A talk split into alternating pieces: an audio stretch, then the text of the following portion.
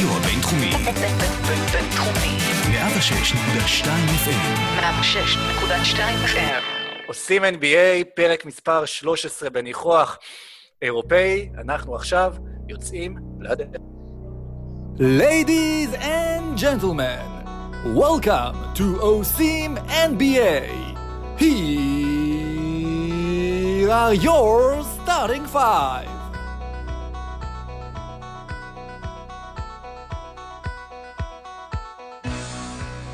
הריקוד האחרון, פרקים 3-4 ולעבודה. הפלישה האירופית, מי נבחר 205 בדראפט 82. איזה שינוי עשתה ברצלונה וזה לא קשור למסי.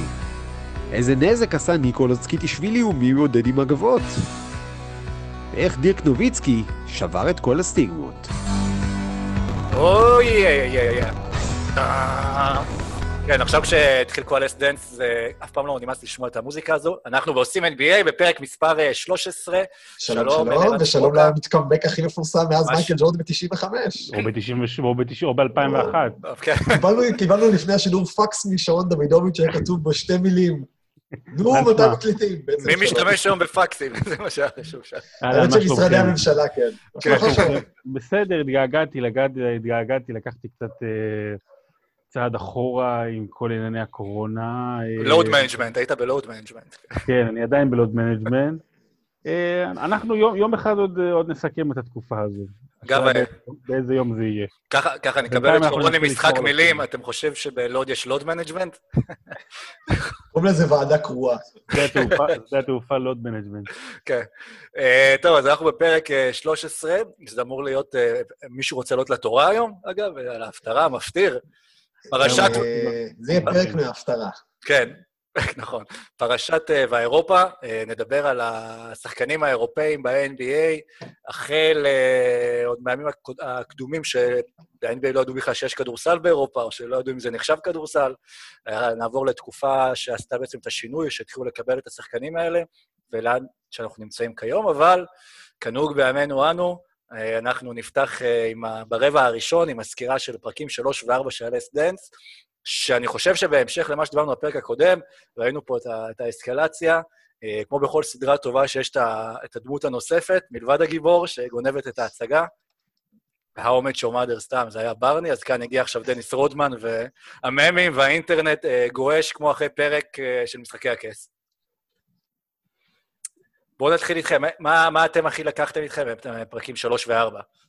תראה, אני, אני, אני אגיד לך משהו, אני, אני טיפ-טיפה אבאס, אבל אז אני, אני אחזיר את העניינים לאיך שהם. אני מודה ש, שעם כל ההייפ שהיה לפני, ו, ומה שהיה בפרקים 3-4 בעיקר, הרגשתי בש, בתחושה הראשונה מעט אכזבה. אני אגיד למה. כי אתה אומר לעצמך, רגע, רגע, הבטיחו מאחורי הקלעים, והבטיחו גישה בלתי רגילה לעונה האחרונה של שיקגו.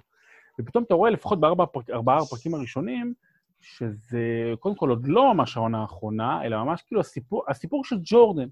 ולחובב NBA ממוצע ומעלה, אני לא בטוח שחידשו יותר מדי דברים. נגיד, כל התזה שהייתה שם לגבי העניין של איזיה תומאס ודיטרויט, אפשר לראות את זה גם בדוקו המצוין שיש על הבד בויז. כן. אבל, אני אגיד שני דברים. אחד, אני לא רוצה, שלושה דברים. אחד, אני לא רוצה לבאס, ולהבנתי, חמש ושש הולכים להיות הרבה הרבה יותר טובים, וכבר הולכים באמת להיכנס פנימה לחדר הלבשה, אז נחכה. דבר שני, יש שם יתרון שהוא בל יתואר לכל סרטי הדוקו האחרים, אה, ו- וכל מה שאנחנו מכירים על ג'ורדן, זו העובדה שג'ורדן מדבר. סוף סוף אנחנו שומעים אותו מדבר בפתיחות, אה, כאילו, אתה יודע, הוא מקלל, והוא והוא אומר על זה תומאס שהוא אסול, והוא צוחק. זה, זה לא מייקל שאתה, שראית אולי למעט מה שהוא דיבר בחל, בבחירה שלו להיכל התהילה. ועוד דבר שלישי, יש סרטי דוקו וסדרות דוקו על ספורט טובים יותר, כנראה. אבל אין אף אחד שהוא על מייקל ג'ורדן. אז בגלל זה אני ישר שם את הבאסה בצד, ובאמת זה נהדר. באסה סבבה, כמו ששרו. מבחינתי הדבר הכי אה, מגניב עד עכשיו בסדרה הזאת, וזה אולי דווקא מתחבר למה ששרון ניסה לבאס בו, זה שכשנכנסתי ביום שני ב-11 או 12 לראות את הפרקים בנטפליקס, אז היה כתוב שזה מקום שלישי בישראל בסדרות הכי נצפות. מה שאומר שיכול להיות שזה, כן, אולי אנחנו בתור אוהדי NBA, אה, קראנו ספרים, כתבנו ספרים אה, לתקופות האלה, אה, אולי מכירים באמת כל פסיק וכל דבר כזה, אבל האנשים, אבל, הסדרה הזאת מגיעה גם לקהלים אחרים, מגיעה לקהלים שהם חצי אוהדי ספורט, או זוכרים שהיה פעם דבר כזה מייקל ג'ורדן, אומרים, אוקיי, בואו נחזור לזה ונראה קצת עם הילדים. אה, ופתאום רואים את הסיפור הזה של רודמן, שאני, שוב, זכרתי ממעורפל את הסיפור של וגאס, ועדיין כשאתה רואה אותו, כשאתה רואה את המד של השעות שהיה שם בהתחלה של פרק 4 או 3, זה מטורף. אמ, לדעתי שני טייקים עיקריים בפרק הזה. קודם כל, אה, אחד מהם זה, ה- קוראים לזה history, בוא נגיד ככה, כותבים את ההיסטוריה מחדש לגבי היחסים בין ג'ורדן למאמנים שלו. כי ג'ורדן אצל דאג קולינס היה אה, ג'ורדן שרוצה שהכדור יהיה אצלו ביד, ודאג קולינס עשה מה שהוא רצה ושם את הכדור אצלו ביד. ואחרי שהם עפו שוב ושוב, הבין שם ג'רי קראוס, שאגב יוצא אה, הרבה יותר טוב מפרקים 3-4 מאשר יצא בפרקים 1-2. הד- הדמות- מתפתחת, כן. הוא הוא גם רזה. זה מהזיעה שג'ורדן גרם לו להזיע אחרי הפרקים 1-2, הוא רזה רטרואקטיבית. הוא... אז, אז פתאום הוא עובר לפיל ג'קסון, ופיל ג'קסון הרי בהתחלה ג'ורדן, אה, דיברנו על זה גם בפוד עם מנחם נס, ג'ורדן לא אהב את ההתקפה של פיל ג'קסון בהתחלה, הוא אומר כאילו, מה, אתה בא להוציא את הכדור מהידיים? והוא אמר את זה גם בפרק שם, אבל אתה רואה את ההתבגרות של ג'ורדן, שהוא פתאום מבין שיותר טוב שהכדור לא יהיה אצלו בידיים כל הזמן, כי ככה הקבוצה תהיה יותר טובה. ובמעבר חד, לברון ג'יימס ב-2016, אה, כשפיטרו את דיוויד בלאט ומינו את טירון לו, אז טירון לו אמר משהו על זה שלברון ג'יימס רוצה שיאמנו אותו ויאמנו אותו חזק. ופתאום המשפט הזה של, אה, ש- שאמר דאג קולינס, שג'ורדן רוצה שיאמנו אותו חזק, פתאום הדהד לי את הסיפור הזה של לברון וטיי לו, שבאמת הייתה העונה הכי גדולה בקריירה של לברון.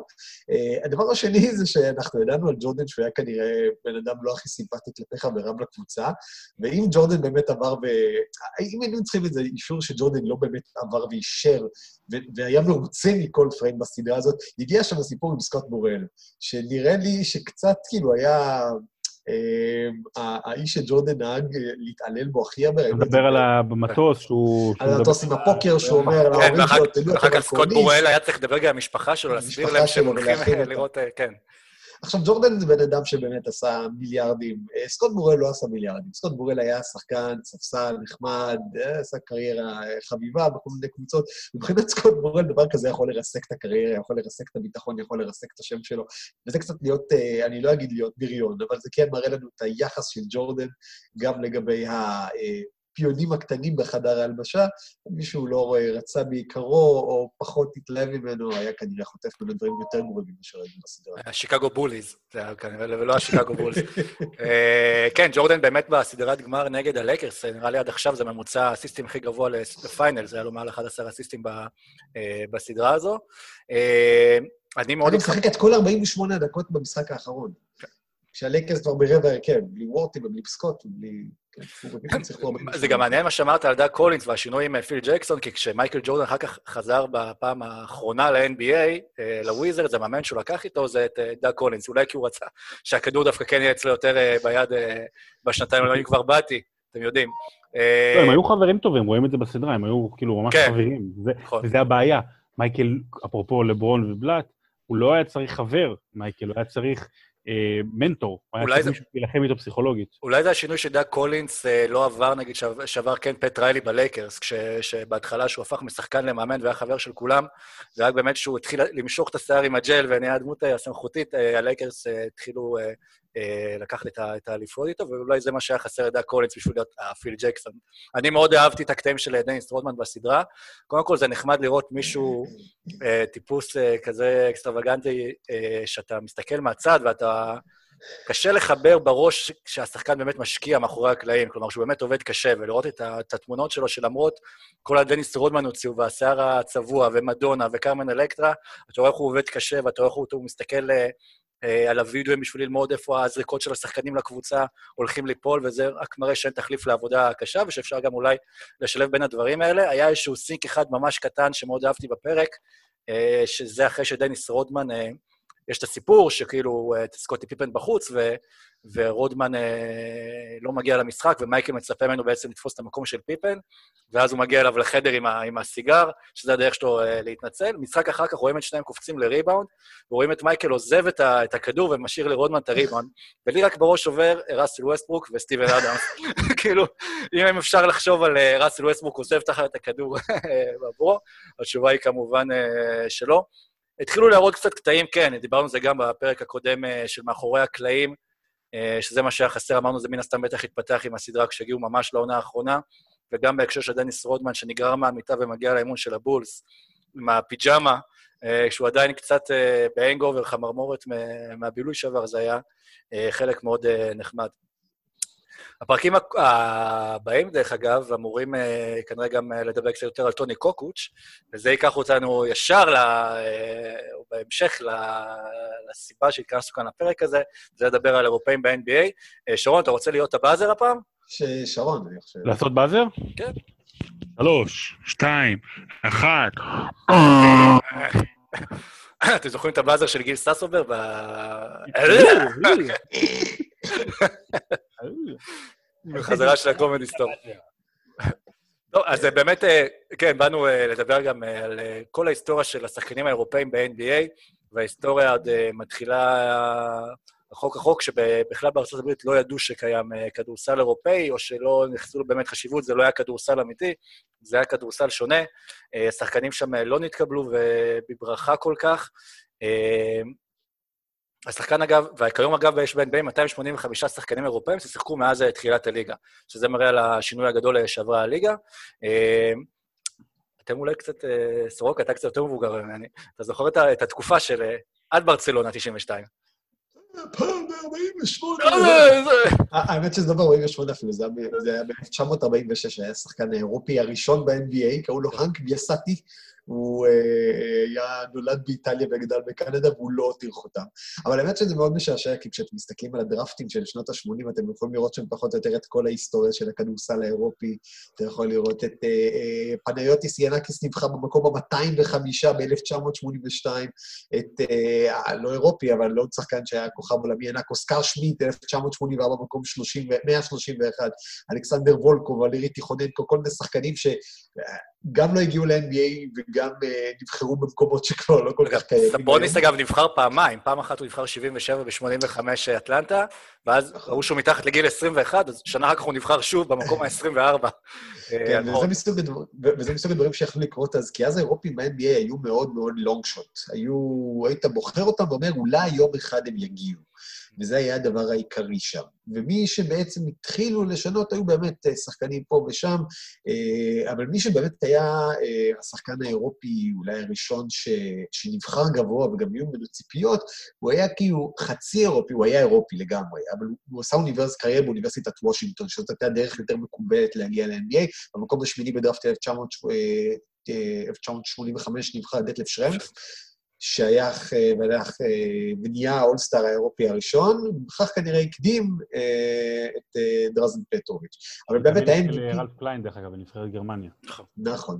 אה, אבל באמת מי שהיה MVP אה, בעל כורחו קצת של התקופה הזאת היה דיוויד סטרן, שביוזמתו של בוריסלב סטנקוביץ', שנפטר לא מזמן, אה, אמר, יאללה, נזרום עם זה, ונתן אה, את הנבחרת האמריקאית הגדולה בכל הזמנים, ה dream team. מכיוון שאנחנו עוסקים בנבחרת החלומות, אני מעביר את השרביט לשרון. תראה, אני, אני, אני, אני אגיד לכם מה, מה, מה העניין. אני חושב שצריך להבין, צריך להבין אה, את הפן התרבותי, אוקיי, של אמריקה, למי שבמקרה לא יודע. זאת אומרת, צריך ללכת כדי להבין את האירופים ובכלל זרים ב-NBA ובספורט. אה, צריך גם ללכת להיסטוריה של מלחמת העולם הראשונה ושל מלחמת העולם השנייה.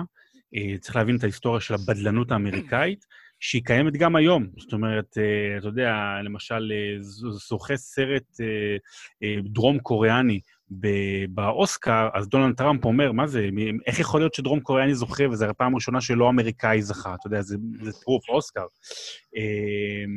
עכשיו, חוץ מזה, יש את העניין שבעצם ארצות הברית אמרה, היה עד אמצע שנות ה-90, מי שזוכה ב-NBA זוכה ב-World Champion, אוקיי? אנחנו אלופי העולם.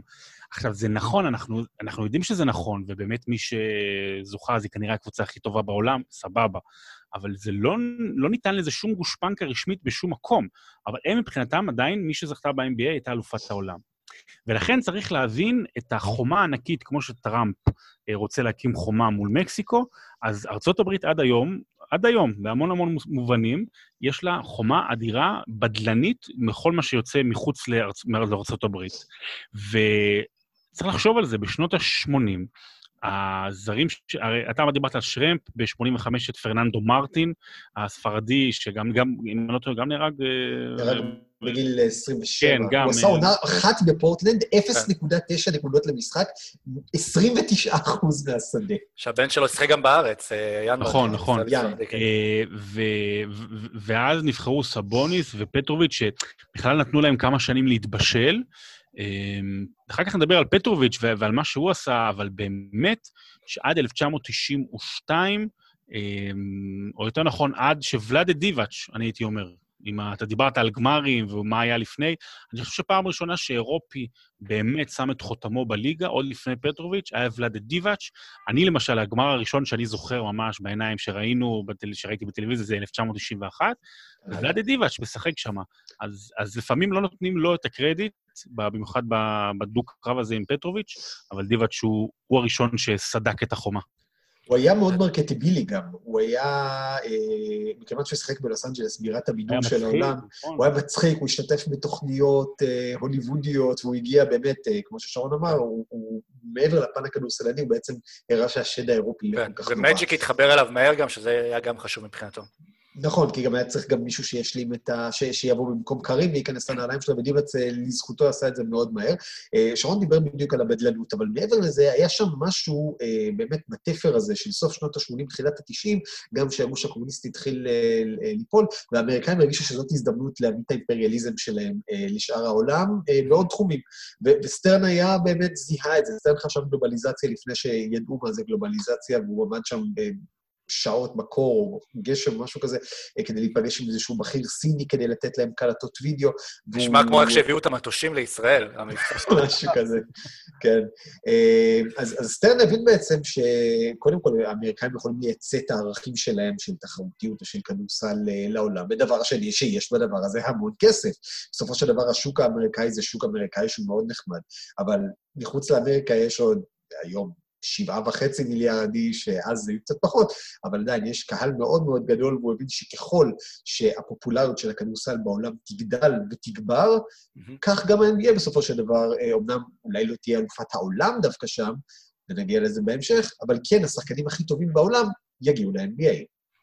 היה גם, אה, צריך לזכור שאומנם אחר כך הנבחרת התפרקה יוגוסלביה, ואז אולי קצת היה יותר חשיפה, ונגיע לזה בר- ברבע הבא כש, אה, כשנדבר על אה, ברצלונה 92, אבל הייתה נבחרת אחת ביוגוסלביה שאי אפשר היה להתעלם ממנה, ובאמת כל הבחירות דראפט אה, שראינו של שנות ה-80, זה היה דרזן פטרוביץ' ודינו רג'ה ו- ודיבאץ', ומי יודע שם שאני מפספס? אה, היה, אה, גם... אה, אה, פאני אורפוביץ' נבחר מקום כן, וגם- 950 בערך. וגם אבא של דני עבדי, אבל הוא לא נבחר וזה, אבל כאילו הייתה נבחרת כאילו אירופאי שאי אפשר להתעלם ממנה, ועדיין הצליחו להתעלם ממנה אה, בארצות הברית. אני רוצה להגיע למה שערן הרים לי מקודם, ועכשיו אני אנחית, שזו נבחרת החלומות, או שזה רבע הבא. עכשיו? אה, ברצלונה, אמרנו שברצלונה זה עכשיו. מתי שתרגיש בנוח, תיתן את הבאזר. ש- יותר מ... יותר, צריך להבין, קודם כל, אה, לגבי, הנבחר, נבח, לגבי נבחרת החלומות, ואמרת בוריס טנקוביץ' שהלך השנה לעולמו, היוגוסלבי שהיה נשיא פיבה עם ההחלטה עם דיוויד סטרן וכל מה שהלך, אני ממליץ לראות את הדוקו על הדרימטים, זה דוקו פשוט אה, נהדר. באמת ההחלטה להביא שחקנים מקצוענים לראשונה לאולימפיאדה. זו לא רק, זו לא רק קבוצת הכדורסל הכי טובה בכל הזמנים, או הכי חשובה בכל הזמנים, יש מצב שזו קבוצת הספורט הכי חשובה בכל הזמנים. כי היא שינתה לגמרי את הספורט הפופולרי, היא שינתה לגמרי את האולימפיאדות, היא הפכה את אולימפיאדת ברצלונה אולי לגדולה והטובה ביותר בכל הזמנים. אז זה דבר אחד, אבל צריך להבין את ההשפעה של הדרימטים על, על, על האירופים. זה לא שבאולימפיאדה הזו באו וראו, וואו, איזה אירופים טובים יש. נכון, גם ראו את קוקוץ' ונבחרת קרואטיה שהגיעה, ו- ופטרוביץ' כמובן, והכל נחמד. ההשפעה היא הפוכה. היא היא על האירופים שפתאום ראו פעם ראשונה בחיים שלהם, במשחקים רשמיים, את שחקני ה-NBA הכי גדולים, בשעות נורמליות, אוקיי? בטיימזון שלהם, מול הטלוויזיה, מול השחקנים שלהם. אה, פתאום החלום הזה נראה משהו, משהו שהוא מושג, משהו שהוא אמיתי. ואני חושב שהרי נוב... אוקיי, מה זה Team? זה ילד בש... בשם דרק נוביצקי, מסתכל, יושב בבית ורואה את זה ואומר, וואו, בואנה, זה... אולי אני גם יום-יום אחד אגיע לשם. אז זו ההשפעה האמיתית של הדרימטים, שגרמה לאירופים להאמין שהם יכולים להגיע. אז אני רגע אשים פה באזר, ואז נעבור. אז רגע, שנייה, עוד כן. משפט לפני הבאזר. אה, החבר'ה האלה אה, באמת, היה פעם ראשונה של ממשק, פעם ראשונה של התנגשות, והם הבינו כמה הפערים גדולים, כי האמריקאים ניצחו אז ב-30 הפרש, ב-20 הפרש, ב-40 הפרש, כמעט כל משחק, אבל פתאום לאירופים היה לאן לשאוף. כי עד אז מה שהם שאפו אליו היה מה שהם בטלוויזיה בשעות אחרות, פתאום מה שהם שאפו אליו היה אנשים שהם היו מולם על אותו מגרש, ואגב, גם האמריקאים פתאום הבינו שגם אצל האירופים, גם כשהם מנצחים אותם ב-30 הפרש, יש אחלה כישרון. כן, אז אנחנו מתקדמים אה, עכשיו לדבר על ה... ברבע הבא, אז באמת מברצלונה 92, אה, עד לתקופה שעכשיו נמצאת אה, ברקע של, של סורוקה, של, אה, של 2011, האליפות של דאלאס, האירופאי הראשון שמוביל קבוצה באמת ב-NBA אה, לקחת אה, אליפות. אה, אני עוד אוסיף רק על מה שאמרתם בחלק הקודם, וכמה מעניין לראות כמה החשיפה משפיעה באמת על ההתפתחות של הכדורסל. כמו שאמרתם, לראות בפעם הראשונה את האמריקאים בשעות נורמליות, ועד לעולם של היום, כשיש את היוטיוב וכל אחד יכול לראות תקצירים של ה-NBA, אנחנו רואים גם איך המשחק האירופאי לאט לאט מתחיל להשתנות, כי אנשים יכולים לראות את המשחקים בטלוויזיה ולהתחיל לחקות אותם. אה, בכל מקרה, אנחנו נדבר עכשיו על זה ברצלונה 92, אה, בתור התחלה. הגיעה לשם נבחרת ארה"ב לגמר נגד נבחרת קרואטיה, מנצחת אותה, אה, ובקרואטיה יש שחקן שהוא כבר נמצא ב-NBA, כבר שלוש שנים, שנתיים או שלוש בפורטלנד, קוראים לו דרזן פטרוביץ', מגדירים אותו המוצרט של הכדורסל. אני בתור אחד שהריץ את דרזן פטרוביץ', דיברנו על זה לפני ההקלטה, וכל האנשים שאני מעריץ מתים בתאונות טרגיות. אה, אני זוכר אותו, אני זוכר את עצמי קם בבוקר, רואה בוקר טוב ישראל, מחכה לשבע וחצי שיש את החדשות, אה, את החמש דקות עדכוני ספורט, מדברים על פטרוביץ' שקולע 50 נקודות, 60 נקודות, רואה אותו נגד מכבי קולע 40, אה, ואמרו שהוא אולי היה מייקל ג'ורדן של אירופה, ומבחינתי הוא באמת היה דרזן פטרוביץ' מבחינת אה, הגדולה שלו. שחקן שאם היה מגיע היום לליגה, נגיד כמו שלוק הגיע, יכול להיות שהיה נמצא במעמד שונה, אה, ואת, ה, ואת הכבוד הוא באמת קיבל אחרי ברצלונה 92. אחרי התצוגה של נבחרת הקרואטית, הוא עבר גם אה, לניו ג'רסי, ואז הוא התחיל באמת את הפריצה שלו, שכמובן נגדעה. בצורה טראגית, אה, ולבוא ולהוכיח את היכולות שלו כשהתחיל אה, לצלוף נקודות ולהפוך להיות לכוכב NBA. מי עוד השחקנים שאתם חושבים על זה, שבואו נגיד שליוו את התקופה של דרזן, שהיו בבסיס ש- של הפריצה האירופאית בתוך ה-NBA? אני חושב שלוצקי צריך להבין את החשיבות של אה, דרזן. הרי דיברנו על ולאדי דיבאט, שהוא הגיע לגמר NBA ב-1991, וכן קיבל חשיפה, והיה, כמו ש... אבל דרזן באמת היה כוכב. זה אולי יקבל. בסופו של דבר, ולאדי דיבאץ' היה השחקן השלישי, רביעי, חמישי הכי חשוב בלייקרס של אותה עונה, שגם זה כבר הלייקרס פחות טובה, של סוף השושלת של אה, מג'יק, אה, קצת אחרי קרים. יש תמונות מפורסמות של קרים, אני רוצה ללמד משחק פוסט את ולאדי דיבאץ'. אז באמת אף אחד לא, לא, לא נכנס לעניינים. וגם אה, דרזן פטרוביץ', אה, הסיפור שלו על העונות הראשונות בפורטלנד, אתה יודע, מדברים הרבה על הבחירות הרעות אה, בדראפט של פורטלנד. גם, ה, גם, איך שבנו שם את הקו האחורי שהיה פסיכי ועמוס עם, עם דרקסלר, דרקסלר, כן. ונו, איך קוראים ל GM של בוסטון, דני איינג', והיה שם עוד איזה אחד, שניים שהם כאילו ממש ממש שחקנים טובים, טרי פורטר, ולדרזן לא היה שם סיכוי, בגלל המקום שממנו הוא בא. ומה שהוא עשה בשנתיים שלו, שנה וחצי, שנתיים בניו ג'רזי, היו באופן אמיתי ומעשי אה, שבירת הסכר. הוא שבר את הסכר, ואחר כך הגיע דרק נוביצקי על הגלשן ופשוט רכב עליו. כן. עם אה, רגל מה אחת. מה שדרזן פטרוביץ' עשה בעונה האחרונה שלו, הוא אותו 44 נקודות מול אה, מייקל ו- ונגד יוסטון, ו- וגם פורטלנד הוא נתן להם בראש. שתי עונות של יותר מ-20 נקודות למשחק. נכון, אני, אני, רוצה ש... אתה יודע, לפעמים אנחנו מדברים על תארים, וחשוב, לא חשוב. דרזן פטרוביץ' נבחר ב-1986 במקום ה-60 לא, ש- כמעט, אה, מקום ה-59, ונדל אלקסיס, שהיה אחד הזרים הכי גרועים בתולדות מכבי תל אביב, עם השפם שלו, אה, אה, נבחר לפניו. אז ב-86 היו 59 שחקנים שחשבו שהם יותר טובים מדרזן פטרוביץ' בין הצעירים בעולם. בשנת 1993, קצת לפני שהוא מת, הוא נבחר לחמישייה השלישית של ה-NBA. דרך אגב, היה הגיע לו יותר, אבל אוקיי, הוא נבחר לחמישייה השלישית של ה-NBA. זה אומר שבשנת 1993 הגיע שחקן אירופי להיות אחד מ-15 השחקנים הכי טובים בליגה. וזה היה מהפכני. זה באמת פרץ את הדרך, ולאט-לאט, אחרי זה, אפשר היה גם אה, לרכוב על הגל. אגב, ספציפית על דרזן, אה, אני גם חייב להגיד שהוא מהשחקנים היחידים, אני חושב גם שראיתי שבאו מאירופה, שהיה להם את הקילרית הזו שיש אצל, שדיברנו עליה אצל מייקל ג'ורדן, ואחר כך אצל קובי בריינט, את הרצון העז הזה להוכיח, ורואים גם בסרט Once Brothers של, ESPN את, ה, את התסכול העצום שהיה לו שהוא לא שיחק בפורטלנד, כשהוא חושב, והוא יודע שהוא יותר טוב מכולם, ואת הרצון להוכיח אותו, וולאדי דיבאץ' מדבר על זה עם אמא שלו, שמשתפים בחוויות, אה, בחוויות אה, הקשות שהוא עבר שם. אה, וזה משהו שאפילו עד עכשיו לא ראיתי אצל שום שחקן אירופאי. קחו גם את יאניס, קחו גם את כולם, את הרצון הזה ממש לבוא ולהיות הכי טוב ולהוכיח את עצמך כל משחק מחדש. כן, היום גם השחקנים האירופים כבר לא באים כמעט מרקע סובייטי או מרקע של מלחמות אזרחים. כלומר, כן, יש שחקנים שהמשפחה שלהם צמחה מתוך זה, אבל הצעירים שלנו זה כבר שחקנים שנולדו אחרי תום מלחמת האזרחים ביוגוסלביה, לא גדלו לתוך זה, גדלו לתוך האפטר אפקט של זה. אה, וזה כבר משהו, אפטר פארטי. וזה כבר משהו אחר. אה, אחרי 92, אני חושב שדווקא השנה האולימפית הבאה שהייתה אחר כך, 96, הייתה שנת מפתח, כי באותה שנה, בפעם הראשונה, נפגשו בגמר שתי קבוצות שהיה להן אירופי משמעותי.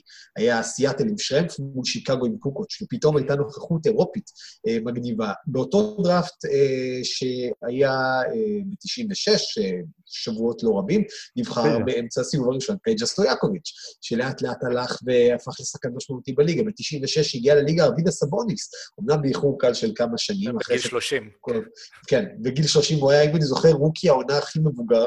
אם הוא היה מגיע, דרך אגב, 4-5 שנים לפני, אנחנו היינו מדברים עליו.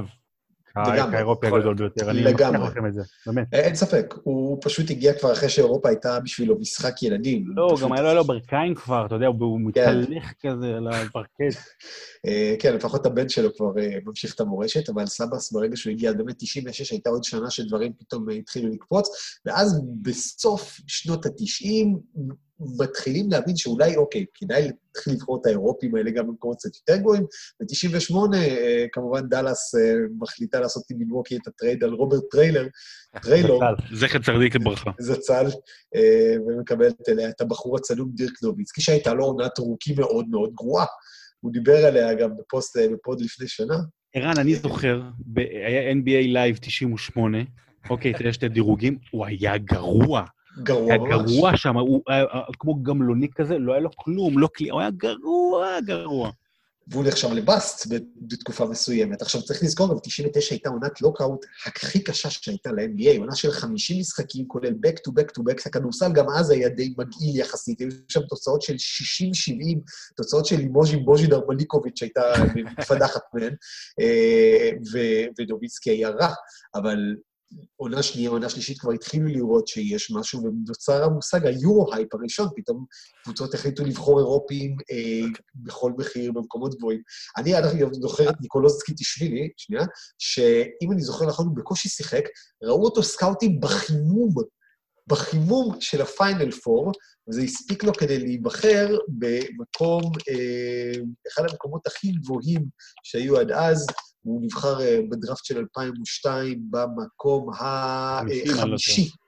כשאחריו נבחרו אה, אמר סטודמאייר וקרון באטלר. היה לנו גם את מיליצ'יץ' קרול ב-2003. בסקין. כן. קרול בסקין קרול גם. נבחר אחריו, קרול בסקין. קרול בסקין.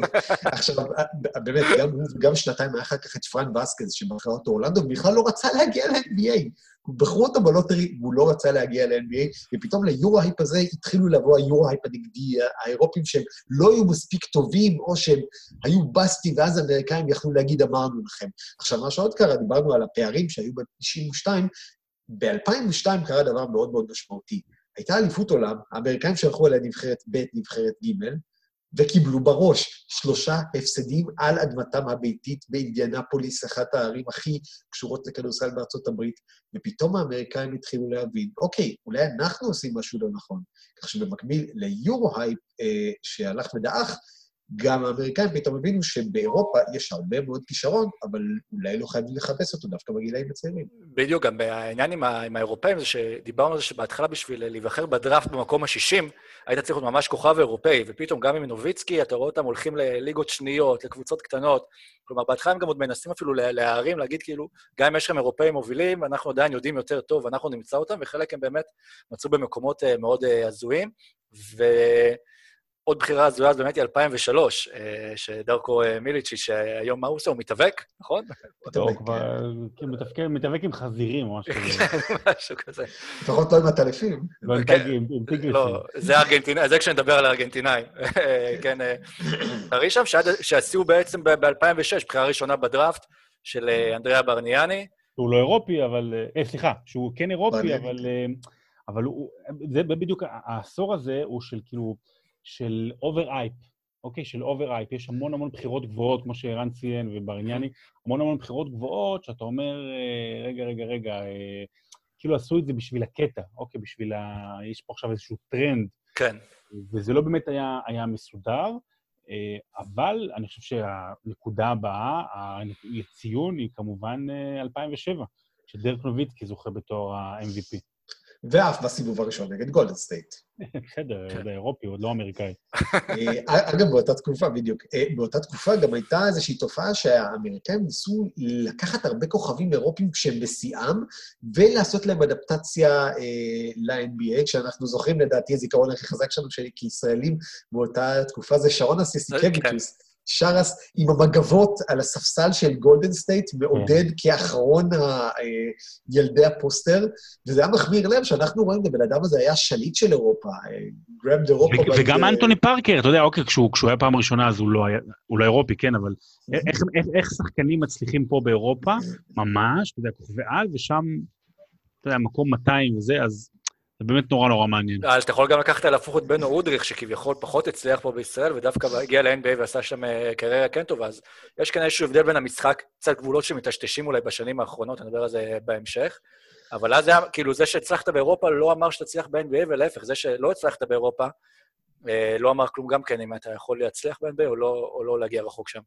אבל אני חושב שהתקבע איזשהו פאטל, וזה לא רק זה גם ספנוליס, שעשה, הגיע עונה אחת גם כשהוא היה בשיאו ועשה היה יחסית צעיר, אני יודע, ספנוליס לדעתי הוא בן 30 כבר 20 שנה, אבל הוא הגיע שם לאירופה והוא עשה עונה ביוסטון, ובכל העונה הזאת הוא גלה 85 נקודות. אה, ב-31 משחקים היה מסתבך בעבירות, אה, לא- הייתה לו עונה טובה.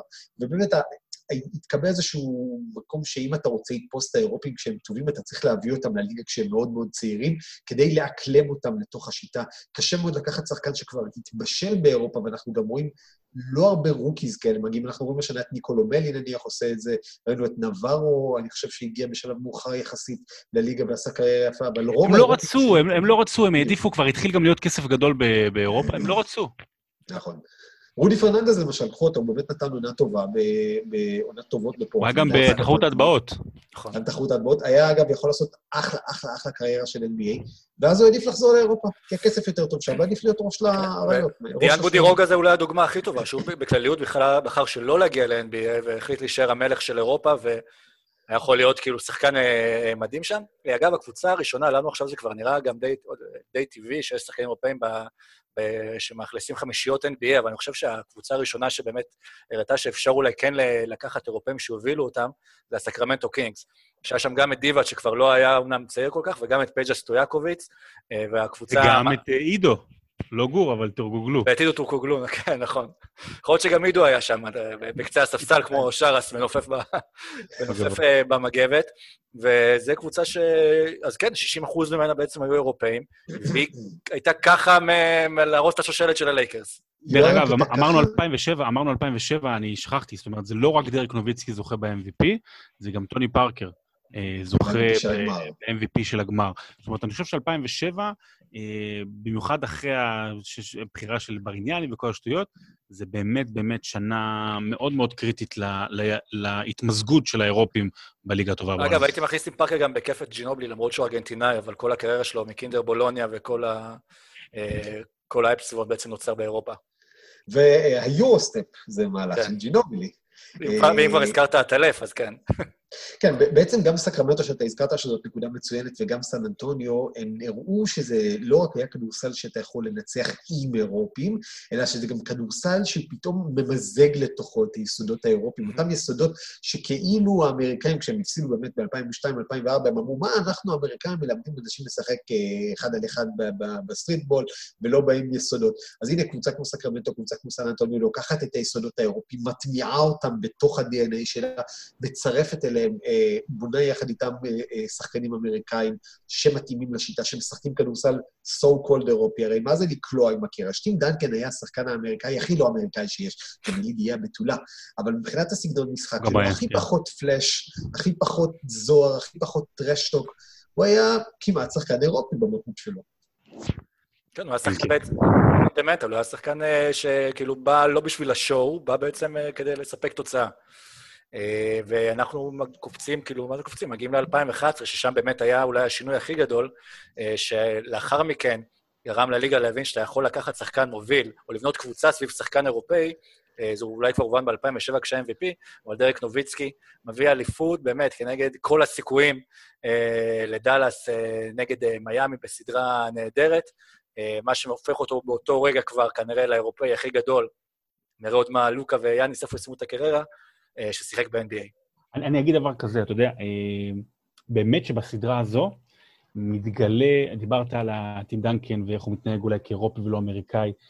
אנחנו זוכרים מאוד את העובדה שאוקיי, הרעים זה מיאמי, הגלקטיקות ש, שמתארגנים להם, והטובים זה, זה דאלאס המפתיעה עם סופרסטאר אמיתי, רק אחד, אה, אבל קורה שם משהו שהוא באמת התנגשות התזה הזאת של אירופה ושל אמריקה, וזה קורה אחרי שמיאמי מובילה 2-1, והם כבר מרגישים פתאום אה, טוב ומרגישים בעניינים, ומגיעים לאימון, לאימון הבוקר, ולברון ווייד עושים חיקוי של דרק נוביצקי, הם מחקים את השיעול שלו. כשהוא מדבר כזה, הוא כזה קצת כמו מאיר טפירו, כזה לפעמים שהוא uh, משתעל. Uh, ומחקים אותו, ויורדים עליו, וזה עושה המון המון רעש, ואז הוא ודאלאס מנצחים שלושה משחקים, והוא עושה את זה בשקט, ואתה יודע, הוא גם לא ירד עליהם, הוא לא כאילו כעס, הוא היה, הוא היה כזה, ואני לא אשכח את ה... יש את החגיגות של לברון, יש את החגיגות של קובי ושל מייקל, שהם קופצים, והם משתוללים, והם עולים על, על, ה, והם עולים על, ה, על המזכירות. ודרק נוביצקי, לפני שהגיע הבאזר, ברח לחדר ההלבשה. הייתה בו מין איזושהי... אה, ענווה. ענווה, ענווה שאתה אומר, אוקיי, ככה, ככה אירופים, אתה יודע, איזושהי צניעות, איזושהי דרך ארץ, בניגוד לאמריקאים השחצנים. וגם הכדורסל, אבל גם הסיפור הזה, מבחינתי, הוא כמובן אה, אבן דרך משמעותית מאוד.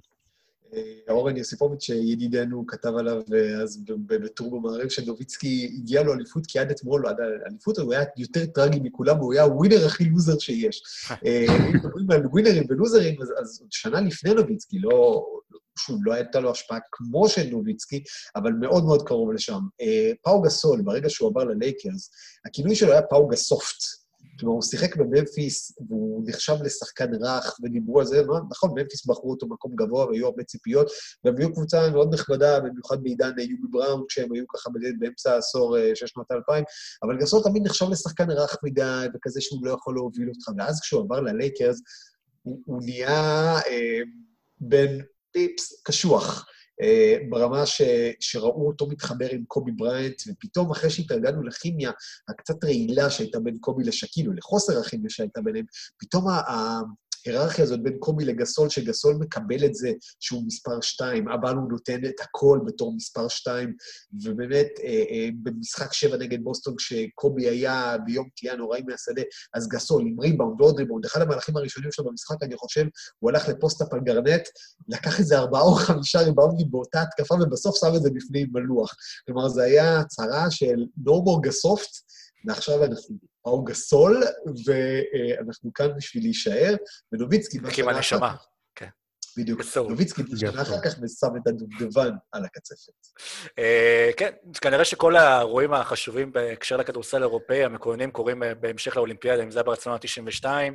אבל, אולוסקי, אני חייב להגיד שאנחנו אמ, לא רשמנו את זה, מה שנקרא, בליינאפ לקראת השידור, אבל אני חושב שאנחנו לא נפספס, כי אנחנו נדבר על זה עכשיו, אבל הנקודה המשמעותית ביותר לאירופים, אבל בכלל לכדורסל העולמי, ואני אני אומר את זה, שזו הנקודה הכי משמעותית, יותר אפילו מ-2011, זה מה שהיה ב-2014, ששמונה שחקנים או תשעה שחקנים בינלאומיים מובילים את סן אנטוניו לאליפות. שמונה שחקנים בינלאומיים, וזה היה כדורסל בינלאומי, אוקיי? זה היה כדורסל אה, הכי אירופי שאנחנו, אה, שאנחנו, ש- שהכרנו ב- ב-NBA עם הנעת כדור, וכתבתי על זה בזמנו, שהרעש, הצליל של האליפות הזו זה ה footstep, אוקיי? על הפרקט, ששומעים את התנועה בלי כדור. כן, בדיוק כזה. אה, אז זה, 2014 היא השנה המכוננת, שבעצם שם, זהו, סופית, כבר, כבר לא צריך לדבר על זה, תנו, תנו לזרים אה, סיכוי, בעיקרון. שמי שמבחינתי, שוב, דיברו על ג'ינובילי, דיברו על טוני פארקר, אה, בוריס דיאו. מבחינתי הוא היה הפרצוף היפה של הקבוצה הזאת. קראו לספיירס של אותה שנה The Beautiful Game, שאנחנו יודעים עד עד אז Beautiful Game היה כינוי ה jogo bonito, הכדורגל, ופתאום הייתה קבוצה שעשתה טיקי טקה על הפרקט, אה, ועשתה את זה שוב למיאמי, שבא כבר אחרי שתי אליפויות, וללברון ג'יימס שבא בשיאו, ובאמת, האליפות הזאת הייתה, אה, כתבתי על זה בזמנו, היא הייתה קתרזיס בכל כך הרבה מובנים. של הכדורסל האירופי, של כדורסל היסודות הנכונים, על פני השחצנות והרהבתנות שפעם ייחסנו לאמריקאים. כן. אנחנו נכנסים אה, לרבע הרביעי והאחרון, ובאמת כבר, כבר התחלנו לדבר על הנושא הזה, אה, על, על האירופאים היום בליגה. אחרי האליפות של דרק ואחרי האליפות של, של סן אנטונו, באמת שהורכבה ברובם סגל של שחקנים אירופאים, המעמד של השחקנים האלה בליגה היום במקום שונה לגמרי. אה, ההשפעה של דרק, שאחר כך אה, פורזינגיס בא כביכול בתור ה unicorn, אה, הדרק lookalike, היוניקלו. יוניקלו, כן. הוא- הוא מתאים לכל ה... זה, כן. הוא מחמם. היום הסקאוטים האמריקאים מאמינים הרבה יותר בשחקנים האירופאים, מחפשים אותם בדראפטים, מחפשים אותם אה, בליגות, הם אה, נותנים להם אה, להוביל קבוצות, והיום שחקנים אירופאים בקלות נכנסים לחמישיות של הליגה, לאולסטרים, ומובילים קבוצות, ונראה לי שהאלה הגדולים ביותר כרגע הם אה, יאניס אנטטקומפו, כמובן בראש, עם פורזינגיס, וכמובן לוקה דונצ'יץ', שכל האייפ סביבו אה, של השנתיים האחרונות, זה משהו שבחיים לא ראיתי מאף שחקן אירופאי שהגיע לליגה. השאלה, אה, לאן עוד זה יכול להגיע מכאן? כלומר, האם הם כבר מיצו את המקסימום פוטנציאל שלהם? ומשהו שדיברנו עליו אפילו בפרק הראשון, האם זה יכול להביא לסיטואציה שבסוף נראה איזושהי קבוצה אירופאית גם ב-NBA אה, באחד מהימים האלה?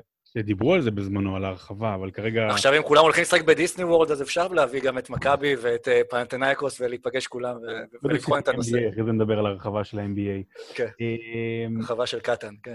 תראה, אני אגיד קודם כל דבר כזה, אנחנו עדיין לא, ב, לא במקום אוטופי אה, מבחינת האמריקאים, אני לא אשכח שהיו, שוב, זה לא הפרשנים הכי בכירים, אבל היו, היו כמה תוכניות כזה אינטרנטיות שראיתי לגבי לוקה דונצ'יץ', שאמרו, רגע, אני לא יודע, וגם אתם זוכרים, הרי אנחנו ידענו כמה לוקה דונצ'יץ' טוב, זה MVP של היורוליג, ילד בן 18-19 בליגה של גדולים, MVP, ואמרו, רגע, רגע, רגע, אולי הוא מקום שני, שלישי, רביעי, הוא, הוא לא נבחר ראשון. כן. ו, והייתה איזו תוכנית שאמרה, עד שהוא לא ידרוך כאן, אנחנו אפילו לא יודעים מה הגובה שלו. אתה יודע, כאילו, באמת יש איזו סקפטיות, עוד פעם, לגבי התרבות, שמה שהתחלנו עם זה את התוכנית. אבל, אז יש סקפטיות, אבל אני חושב שהגענו למצב שבו פעם ראשונה אפשר להגיד, רגע, רגע, רגע, אם נעשה חמישיות של האמריקאים ושאר העולם, אפילו רק אירופים, מי ינצח? וזה מצב שדרזן פטרוביץ' לא חלם עליו שיהיה. בשיר של רינגר, הללוקה, יש שם קטע של אה, We still needed proof, we haven't seen him beat מיזו. אה, לא ראינו אותו מנצח את מיזורי בטורניר המכללות, אז אנחנו לא יודעים כמה הוא טוב. אה, והוא, והוא, והוא כל כך טוב שהוא באמת, אה, שוב, אני בעידן שבו סייקם הוא השחקן המשתפר, וראינו בשנה שעברה את כל הפרסים האינדיבידואליים החשובים הולכים לשחקנים. אירופי, אה, לא רק אירופים, אירופים בעולם. אה, סייקם משתפר, גובר שחקן ההגנה, כמובן אה, דונצ'יץ' רוקי העונה ויאניס ה-MVP, ופתאום יש איזו הרגשה שהאירופים כבר באים, they're coming for you, כלומר, הם באים כבר לקחת מהאמריקאים כמעט את הפרנסה, למרות שעדיין המשקל שלהם בליגה מבחינת הבינלאומיים פחות או יותר זהה כבר אה, כמה, אה, חמש-שש שנים. אבל זה באמת נוצר איזשהו בלנס שבאמת האירופים הכי טובים מגיעים לשחק ב-NBA, וגם ליורוליג נשאר. אגב, דיברנו על זה בשנות ה-90, כבר התחילה גם אה, פלישה של כל מיני אירופאים טובים בפנסיה, תום צ'מברס ודומיניק ווילקינס, לאירופה. והם הראו ש... מצטער שאני עושה את הקפיצה הזאת אחורה בזמן, כי הם הראו פתאום שגם החבר'ה האלה הם אחד מ... הם פתאום החבר'ה. והיום באמת אנחנו במצב שבו, כמו שאני נוהג לומר, ב-NBA משחקים נניח 150 או 100 השחקנים הכי טובים בעולם, אבל מתוך ה-640, 300 משחקים ב-NBA, והשאר כן יכולים לשחק באירופה, ב... אנחנו ב- כבר רואים גם מצב הפוך, ששחקנים אירופאים ב-NBA מחליטים, כמו נגיד אה, מירוטיץ', שמחליטים דווקא לחזור לאירופה, כי גם יש שם את הכסף הגדול. שוב, כי יש כסף פתאום, יש כן, כסף. יש כסף, ויש כאלה שכאילו, שלא מתחברים אני- לכדורסל האמריקאי. אני אתקן, היה כסף. היה כסף, כן.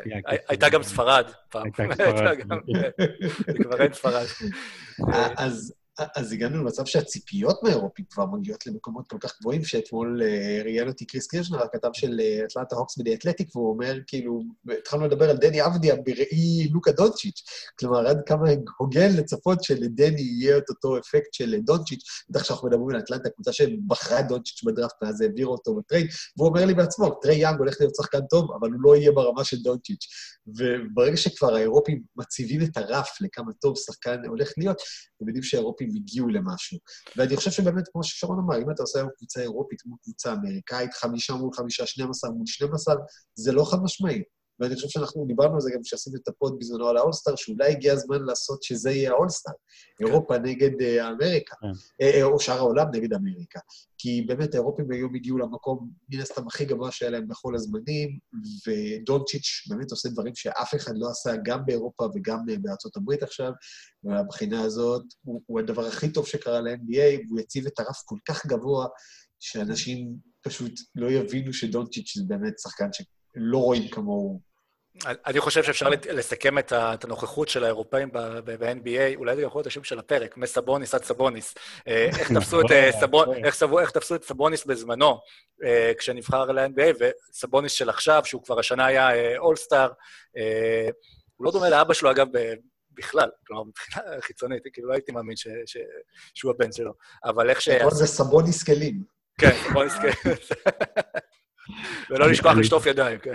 אני רק חייב לשאול שאלה, היא לא קשורה לאירופים, פשוט זה נשאר לי מתחילת דבריו של ערן, ואני... כש, כשנגיע אולי לחגים הבאים בפסח, ונשאל את עצמנו מי טוב יותר, טרי יאנג או תרי זוזי? זהו, תודה רבה לכם. תודה לכם, שלום לכם. כן. שלום לכם. אוקיי, בואו בוא ננסה כל אחד ככה אולי לדרג את אה, שלושת האירופאים אה, הכי גדולים, אם אתם רוצים, אפשר לעשות גם וגם, גם שהיה לנו, אה, גם שכרגע משחקים בליגה, או בכלליות שלושת האירופאים הכי גדולים שדרכו ב-NBA. זה יכול להיות מבחינת קריירות, זה יכול להיות מבחינת כל דרך- דרך שתבחרו בה. מי רוצה להתחיל, או שאתם רוצים שאני אתחיל? ירון מרוץ. אני לא אוהב דירוגים, אז חבל. מה לך, מה לו ולזה? כן, אמ, אני, אני, אני אבחר היסטורית, זאת אומרת, היסטורית מי, מי האירופים הכי גדולים, ואני תמיד אומר שבדירוגים זה... כולם אומרים, אי אפשר להשוות בין תקופות וזה, אז כן אפשר להשוות בין תקופות, כי אתה משווה את השחקן לתקופה שלו, אה, אבל גם אתה מוסיף עוד הרבה אלמנטים של השפעה ועוד הרבה דברים שמעבר לכדורסל. אה, אני חושב שיש הרבה שמות שצריכים להיות מצוינים בעשירייה, שזה באמת דיאן בודירוגה וולאדי דיבאץ', ו, אה, ואז יש לך התלבטות, כי אני חושב שמקום... אה, אני, כרגע שם את יאניס בצד, ברשותכם אני שם את יאניס עדיין בצד בגדולים בהיסטוריה. נכון ארז מרקוביץ'. כן, בארז מרקוביץ', אני שם אותו בינתיים בצד, אבל אני אגיד דבר כזה, יש התלבטות לגבי המקום השלישי, האם זה פאו גוסל או טוני פארקר. אני חושב שטוני פארקר גדול יותר. הוא היה הראשון שזכה בתואר ה-MVP של הגמר, הייתה לו השפעה גדולה יותר על, על, על קבוצה שהיא לאורך שנים הרבה יותר הייתה חזקה. אה, אז אני דווקא חושב שטוני פארקר מקום שלישי בכל הזמנים, אירופי. דרזן פטרוביץ' במקום השני. אה, עד לפני כמה שנים הייתה שאלה לגבי הסוגיה הזו, האם הוא שני או ראשון, היום אני חושב שכבר הוא בטוח לא ראשון, אבל ההשפעה שלו היא בלתי ניתנת ל- לכימות. ומקום ראשון, כמובן, דרק נוביצקי, שגם בספר נבחרת החלומות שמנו אותו בעשירייה של אה, השחקנים הכי גדולים בדור האחרון. אה, עשה, אתה יודע, הוא גם, גם top 15, top 20 כל הזמנים ב-NBA, אז בוודאי שהוא האירופי הכי גדול בכל הזמנים. יוצקי. אה, אני גם, יש את אותה התלבטות על ה- על המקום השלישי בין טוני פארקר אה, לפאו גסול. אה, אני, אני דווקא כן אלך עם פאו, גם בגלל האהדה ללייקרס, אה, גם בגלל שאני חושב שהוא מילא אה, תפקיד אה, מאוד מרכזי אה, ב- בלעזור לקובי, כמו שמדברים עכשיו על סקוטי פיפן, אה, אז בלעזור לקובי בריינט, אה, להמשיך אה, להיות אה, קובי בריינט, והוא היה חלק מרכזי באליפות, והשינוי שהוא עבר שם, רציתי להזכיר את זה קודם, אה, כשדיברנו על אולימפיאדות, הייתה אולימפיאדה שספרד שיחקה נגד ארה"ב, אחרי עונה שקוב, שקובי הרגיש ש, ש, שזה באמת אה, פאוגה סופט, ואז הוא נכנס בו חזק שם ממש במשחקים, רק כדי ללמד אותו מה זה הקשיחות, ותעלה גם את המדליית זהב אה, אחר כך בחדר הלבשה, כדי לדרבן אותו עוד יותר, וזה היה איזשהו שינוי רציני שהיה אצל פאוגה סול, שהיה חלק מהצמד אה, שהוביל באמת את הלייקרס ואת הקבוצה הגדולה שהייתה להם. אני רואה אותו פשוט בתפקיד יותר מרכזי, כי, כי טוני פארקר היה חלק מתוך system של, של, של פופ ושל סן אנטוניו, שהרבה יכולים להיכנס לשם, לא כל אחד יכול להיכנס אה, כמו טוני פארקר, אבל, אבל פה מבחינת uh, מספרים אה, והדברים שהרבה יותר גדול מבחינתי. אה, מקום שני זה דרזן פטרוביץ' אה, גם כן. אני חושב עדיין שהוא... אה, שהוא אי אפשר יהיה להוכיח את זה בגלל הטרגדיה, אבל שהוא האירופאי הכי מוכשר ששיחק אי פעם. היה פשוט במקום הלא נכון, בזמן, אה, בתקופה הלא נכונה. שים את דרזן פטרוביץ' היום בליגה, אה, והוא שולט ב, אה, ביד רמה. מקום ראשון, דרק נוביצקי, שכבר מתחילים לערער על המקום שלו, את זה אנחנו נוכל לעשות אולי בפוד בעוד עשר שנים, אז אה, נשמור את ההקלטה הזו בצד. אה, דרק נוביצקי, השחקן שבאמת... לא, לא מערערים על המקום שלו, שואפים למקום שלו, אף אחד עוד לא מערער על המקום שלו, לא, זה חשוב, הבהרה חשוב- חשובה. חשובה מאוד, כן. כן.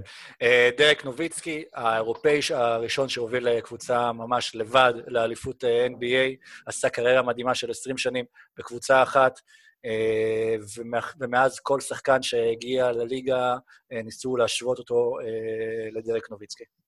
אירופאי. אה, לב- כל שחקן לבן. פחות או יותר. אה, תראו, דרזן, שוב, אנחנו ראינו את הקריירה שלו ב-NBA רק בתחילתה, אז קשה להעריך את הקריירה שלו ב-NBA כאחת הגדולות. מן הסתם, השחקן האירופי כנראה הגדול בכל הזמנים. לא, לא היינו חיים בתקופה של תיכוננקו ובלוב, אה, וכל מיני שחקנים כאלה כדי להעריך אותם, אבל מן הסתם פטרוב, דברים שהוא עשה, קשה יהיה מאוד לשחזר אותם. אני מניח שאנחנו בסוף אה, מגיעים כאן לפארקר מול גסול. אז פארקר באמת היה האירופי הראשון ש- שזכה ב-MVP של סדרת גמר, אבל אני, אני מסכים עם לוצקי בקטע שהוא עשה את זה בתוך הסיסטמה של סן אנטוניו, שנחשבה להם מאוד מאוד מאוד ייחודית, מאוד מאוד בנויה סביב השחקנים האירופים, סביב היסודות האירופים, וזה לא כדי לקחת מהם, זה כדי לתת יותר לפופוביץ', אולי על חשבון השחקנים שלו. ולכן אני הולך עם גסול, שבאמת בא ללייקרס, שהייתה קבוצה שאומנם היה לה את גיבאץ', אבל בשנים הגדולות שלה באמת, זאת לא הייתה קבוצה שזכתה בזכות שחקנים אירופים. השואו טיים של האייטיז, מן הסתם לא היו הרבה שחקנים אירופים בליגה, אחר כך זה היה קובי ושק ופישר ופוקס ורוברט אורי, ופאו גסול בעצם היה השחקן הראשון שנכנס לתוך... גם בבוסטון של 2008, בעצם שתי הקבוצות הכי גדולות של ה-NBA זה הסלטיקס והלייקרס. פאו גסול היה השחקן האירופי המשמעותי באחת משתי הקבוצות הקלאסיות של ה-NBA כשהוא לקח אליפות. באמת שינה את התדמית של אה, שחקן NBA, כי פארקר, שוב, הרכזים, היינו רכז, רגילים שהגארדים האירופים טובים, אה, וגסול שינה תדמית של השחקן האירופי באופן כללי. חוץ מזה שהוא הוביל את הנבחרת אה, הספרדית של 2008, נתתי שם כותרת בגמר, אחרי הגמר נגד ארה"ב, נבחרות החלומות. משחק הכדורסל הכי טוב שראיתי, hands down, אני עדיין זוכר את עצמי בא ויושב ליד דובינסקי שם מאחורי הסל באולם הצ'ופסטיקס ברובה ווקסון.